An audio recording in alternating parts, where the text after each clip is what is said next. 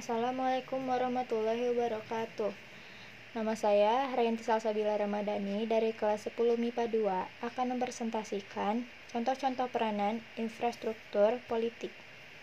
Infrastruktur politik adalah suasana dari kehidupan politik dalam masyarakat dan berhubungan dengan lembaga kemasyarakatan.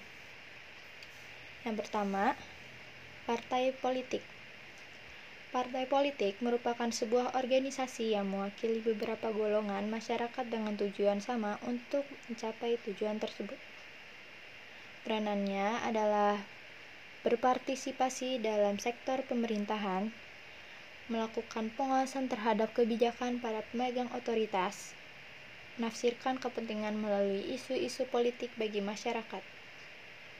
Yang kedua adalah kelompok kepentingan Peranannya adalah memperjuangkan kepentingan-kepentingan tertentu dari masyarakat atau golongan. Contoh peranannya adalah 1.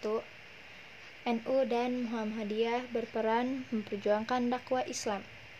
2. IDI memperjuangkan kebijakan mengenai kesehatan rakyat Indonesia. 3. PGRI memperjuangkan nasib guru dan juga sebagai wadah konsolidasi antar guru. 4.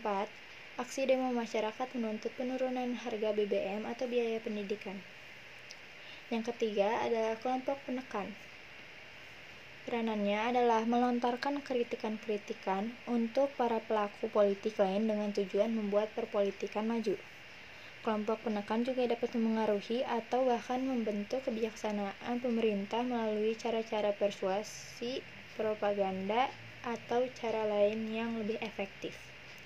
Contoh peranannya yaitu 1.